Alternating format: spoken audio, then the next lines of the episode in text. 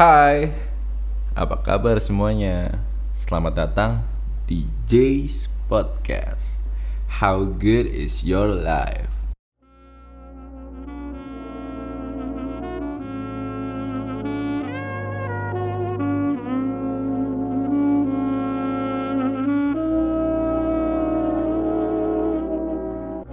Di episode debut saya ini, saya akan ngebahas tentang toxic friendship. Nah, stay tune ya. Oke, langsung aja saya mau ngejelasin dulu kepada kalian apa sih toxic friendship itu. Toxic friendship merupakan situasi lingkungan pertemanan seseorang yang tidak sehat sehingga berpotensi mengganggu kesehatan psikologis. Dalam hal ini, toxic friendship mampu membuat seseorang merasa stres, sedih, cemas, meragukan diri sendiri, merasa disalahgunakan, merasa tidak menjadi diri sendiri, hilang kepercayaan, hingga membuat individu selalu merasa dimanfaatkan karena terus melakukan giving. Sayangnya, setelah mengetahui pertemanannya itu toksik, banyak orang yang sering kali tidak mampu mengakhiri atau bahkan memilih bertahan dalam situasi tersebut. Nah, menarik ya topiknya, ya enggak? Sekarang saya mau ngasih tahu kalian apa aja sih ciri-ciri dari toxic friendship itu sendiri. Nah, yang pertama nih, ketika kalian mendapatkan sesuatu atau berhasil dalam suatu hal, mereka nggak bakal senang. Bahkan mereka tidak memberi ucapan selamat sedikit pun kepada kalian atas keberhasilan yang sudah kalian tempuh. Nih contohnya tuh kayak kalian nih habis berhasil nih dalam melakukan sesuatu apa pun itu dah mereka nggak bakal ngasih ucapan selamat. Ya mereka pasti nganggap diri mereka itu bisa melakukan lebih baik dari kalian sendiri. Yang keempat mereka senang membicarakan keburukan kalian di belakang kalian tanpa kalian tahu dan kalian sadari. Teman yang baik seharusnya mengingatkan untuk berubah ke arah yang lebih baik. Namanya juga manusia ya kan? Ya namanya kita pasti berbuat salah dong Nah dari kesalahan itu kita bisa belajar diperingatin bukan dibicarakan di belakang. Nah contohnya itu kayak gini nih. Misalkan kalian habis buat salah nih, sekecil apa pun uh, kesalahan yang kalian buat, ya mereka pasti ngomongin kalian di teman-teman teman-teman yang lain gitu. Nah yang ketiga mereka selalu berusaha membuat kalian merasa tidak percaya diri atas prestasi dan pencapaian kalian. Hal ini dilakukan karena mereka tidak senang melihat kalian dapat kebahagiaan. Nah, contohnya ini kayak apa pun yang kalian lakukan, mereka hanya bisa mencela dan meremehkan pendapatan kalian itu. Nah, yang keempat, jika salah satu orang di antara geng kalian tidak hadir, mereka akan membicarakan keburukan-keburukannya. Ini udah nggak beres kan kalau kayak gini ya? ya kalian tahu sendirilah Nih contohnya tuh kayak ketika kalian ada topik pembicaranya itu adalah orang lain. Tapi jika kalian tidak ada, maka hati-hatilah. Kalian bisa jadi topik pembicaraan mereka.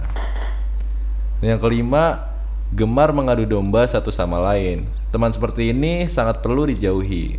Karena selain fitnah, hal itu juga sangat berbahaya bila terjadi kepada kalian. Akan ada banyak pihak yang dirugikan jika hal ini terjadi Contoh kompor-komporin masalah kalian dengan teman kalian yang lain nih. Harusnya itu kan masalahnya itu yang tadinya kecil bisa diselesaikan dengan cepat dan baik-baik ya. Tapi ke ketika kalian dikompor-komporin itu yang ada kalian merasa emosi dan masalah makin runyam. Nah, next yang keenam, mereka membuat kalian merasa tidak nyaman. Hanya karena kalian menghabiskan banyak waktu bersama, ya nggak berarti kalian benar-benar deket dong. Persahabatan dekat adalah tentang menjadi diri sendiri secara bersama. Daripada hanya menghabiskan banyak waktu di ruangan yang sama, pasti nggak bakal nyaman kan. Nah contohnya nih kayak misalkan kalian lagi nongkrong kan, ngumpul-ngumpul nih sama teman-teman kalian nih. Nah kalian tuh suka ngeliat kalau teman-teman kalian tuh bisik-bisik nggak sih? Ya pasti kalian ada pikiran-pikiran curiga kan. Nah itu tuh, itu udah toxic tuh kalau kayak gitu. Nah, ya, last yang ketujuh tidak ada timbal balik. Hal ini tuh yang paling nyebelin nih. Jadi tuh kalian selalu dengerin mereka dan berada di sisi mereka, namun mereka justru bertindak sebaliknya. Pertemanan yang bahagia dan sehat jika kalian berdua merasa dihargai dan didengar. Tetapi beberapa orang merasa pertemanan itu sebagai jaringan pendukung yang konstan bagi mereka. Tanpa mereka sadari, mereka harus saling membalasnya. Terkadang sangat baik untuk mengambil langkah mundur dan memeriksa diri kalian sendiri untuk melihat apakah kalian benar-benar mendapatkan sesuatu yang baik dari persahabatan ini atau tidak. Nah, jika tidak, mungkin ini saatnya untuk kalian untuk memikirkan kembali contoh tuh kayak misalkan kalian nih udah percaya nih sama teman kalian nih kalian sering curhat ke dia kalian sering oke cerita ceritalah tentang apa aja nah tapi nih si teman kalian ini nggak melakukan hal sebaliknya. Pasti itu kan kalian ada satu pertanyaan dong kayak kenapa sih kok dia nggak cerita-cerita ke saya? Gitu. Nah pernah nggak sih kalian merasa terjebak dalam toxic friendship? Terus kalian nggak bisa keluar dari situasi tersebut? Nah sayangnya setelah mengetahui pertemanan itu toxic banyak banget orang yang sering kali tidak mampu mengakhiri atau bahkan memilih bertahan dalam situasi tersebut nah yang kayak gitu apaan sih alasannya Nah, alasan yang pertama membuat seseorang ingin bertahan dalam toxic friendship adalah karena berteman sejak kecil. Sejarah pertemanan yang lama terkadang membuat seseorang tidak bisa atau sungkan untuk melepaskan diri dari lingkaran pertemanan tersebut. Padahal, dalam pertemanan hidup semua orang bisa berubah. Mungkin awalnya kalian memiliki pertemanan yang baik, tapi perubahan karakter pada setiap orang biasanya menimbulkan pertemanan yang tidak sehat pada kemudian hari. Nah, alasan yang kedua, karena terdapat keuntungan dari pertemanan tersebut. Individu menganggap enteng hubungan yang toksik selama itu punya keuntungan bagi dirinya. Alasan yang terakhir adalah adanya keyakinan atau optimisme bahwa orang tersebut suatu saat akan berubah dan memperbaiki diri. Talk it or leave it. Itulah kuncinya. Rumitnya situasi tersebut membuat individu semakin sulit mengatasi dan keluar dari lingkaran toxic friendship. Maka dari itu, Dokter Primatia membagikan beberapa tips mudah untuk menghadapinya. Strategi yang paling utama adalah talk it or leave it. Kalian yang tidak ingin begitu saja kehilangan sahabat dapat mencoba dahulu strategi talk it. Pertama, cari waktu dan tempat yang tepat.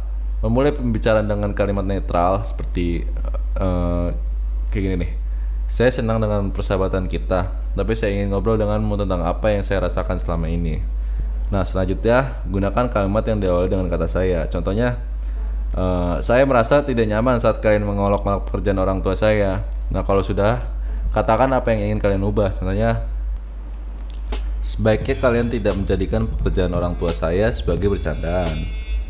Nah tapi kalian ingat sejak awal Sebelum kalian berbicara seperti itu, kalian harus nyiapin mental kalian untuk mendengarkan respon dari mereka. Nah, menurut dokter Primatia, apabila salah satu menjadi emosional, ada baiknya untuk menunda dulu pembicaraan lalu melakukan relaksasi, entah dengan mengalihkan pembicaraan atau menyudahi dulu topik yang sedang dibahas. Akan tetapi, saat teman jelas terlihat menolak melanjutkan pembicaraan, maka hendaknya biarkan dan berilah, berilah mereka waktu. Lalu bagaimana kalau sudah dibicarakan baik-baik tapi kok tidak ada perubahan? Atau bahkan malah semakin toksik hubungan kalian? Jika situasi itu terjadi, maka kalian harus leave it. Artinya mereka memang tidak menghargai perasaan dan mendapat kalian. Untuk menjauh dari pertemanan itu, mulai dengan mengurangi pesan dan telepon secara perlahan, kurangi aktivitas berkelompok, Bahkan jika perlu, batasi kontak media sosial karena sering kali status yang mereka buat dapat berdampak pada psikologis meski sebenarnya tidak berhubungan dengan kita. Untuk move on, lakukan hidup untuk yang lebih baik. Lakukan kayak hobi atau kegiatan yang lebih positif. Habiskan waktu dengan orang-orang tersayang. Jangan per pernah menyesali berakhirnya toxic friendship. You deserve more. Walaupun terdengarnya sangat buruk, tetapi toxic friendship ini ternyata ada juga sih pemanfaatnya banyak banget lagi. Yang dengerin ya. Nah, yang pertama tuh kalian belajar untuk berhenti mempercayai orang lain dengan cepat untuk alasan apa pun. Persahabatan yang toksik mulai pecah Masalah mendasar utama adalah bahwa kedua belah pihak kehilangan rasa percaya dan keyakinan satu sama lain. Setelah melalui pengalaman yang traumatis, kalian mungkin ingin berhenti mempercayai orang lain sama sekali. Kadang kalian berpikir, jika teman terdekat saja bisa mengkhianati saya, gimana orang lain gitu loh. Nah, itu sih mungkin benar beberapa, tapi nggak semuanya orang nggak berhak kita kasih kepercayaan. Ya, kalian harus paham baik-baik bahwa kalian telah melakukan yang terbaik dan memberikan orang lain ke keuntungan dari keraguan untuk menjaga kepercayaan di antara kalian. Mungkin ini adalah jenis peringatan yang kalian butuhkan untuk mengetahui bahwa tidak semua orang layak mendapatkan kepercayaan kalian. Setelah keluar dari persahabatan yang toksik, perlu diingatkan bahwa kepercayaan kalian adalah hak istimewa yang harus diusahakan oleh teman atau kekasih. Kepercayaan bukan hanya memberi pemberian gratis. Jangan hanya menganggap diri kalian tuh memiliki masalah kepercayaan dari hubungan yang buruk ini, tapi ketahui bahwa ini adalah satu pengalaman buruk dan kalian belajar untuk tidak secara naif mempercayai siapa pun dan semua orang. Yang kedua, fokus energi kalian pada diri sendiri. Ketika memilih untuk menghabiskan waktu dengan orang lain, kalian harus memberi orang lain hak istimewa untuk menggunakan waktu dan energi kalian. Setelah memisahkan diri, kalian harus uh, rehat dulu nih dari dunia persahabatan toksik. Setelah itu, kalian menyadari bahwa kalian bebas dan beban kekhawatiran dan stres kalian yang terus menerus itu menghilang.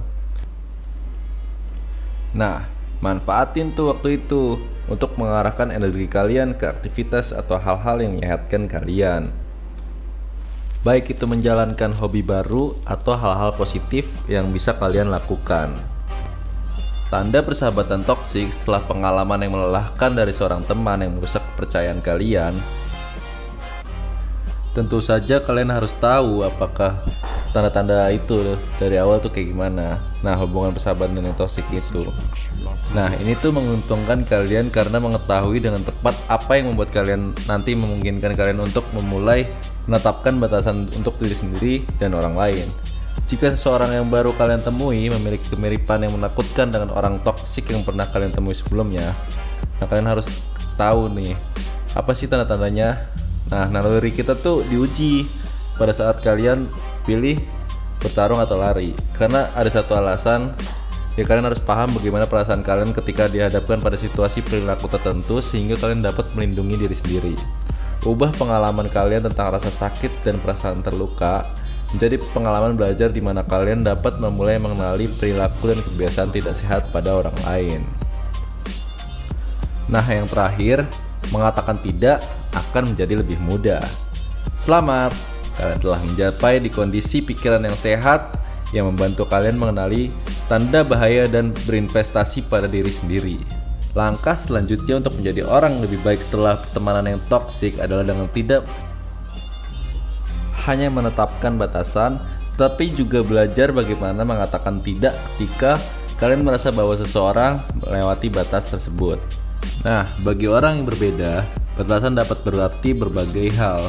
Batasannya terdapat mencakup mengizinkan orang lain untuk memiliki waktu pribadi mereka, menghormati ruang pribadi orang lain, tidak mendesak tentang kehidupan orang lain, atau menghormati suka dan tidak suka orang lain.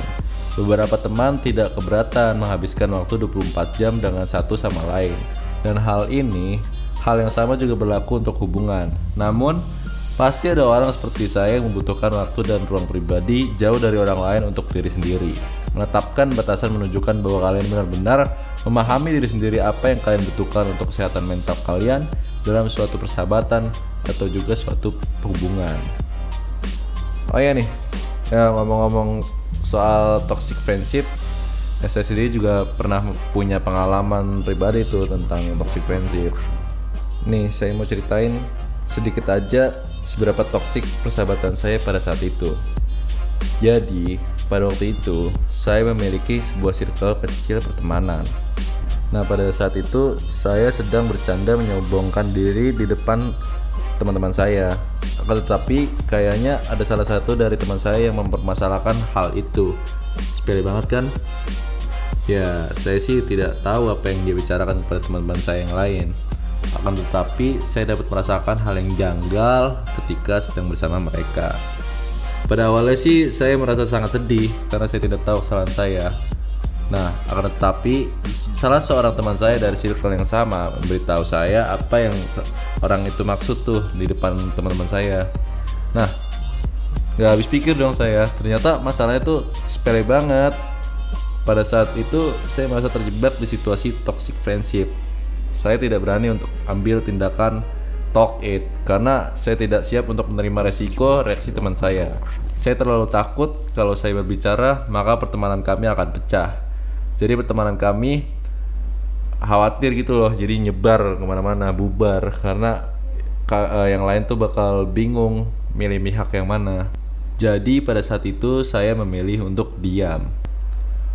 Tapi ketika saya merasa tidak nyaman dan membohongi diri sendiri, akhirnya saya dapat memutuskan untuk mengambil tindakan leave it. Nah, untuk kalian yang masih terjebak dalam toxic friendship, selamat berjuang ya. Saya tahu kok kalau ini tuh nggak mudah. Nah, tapi kalian berhak mendapatkan kebahagiaan kalian sendiri dengan layak.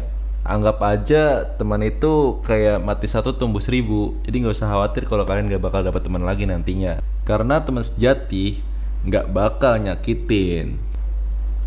Alright, that's it. Sampai sini aja dulu episode kali ini. And always remember to enjoy your life.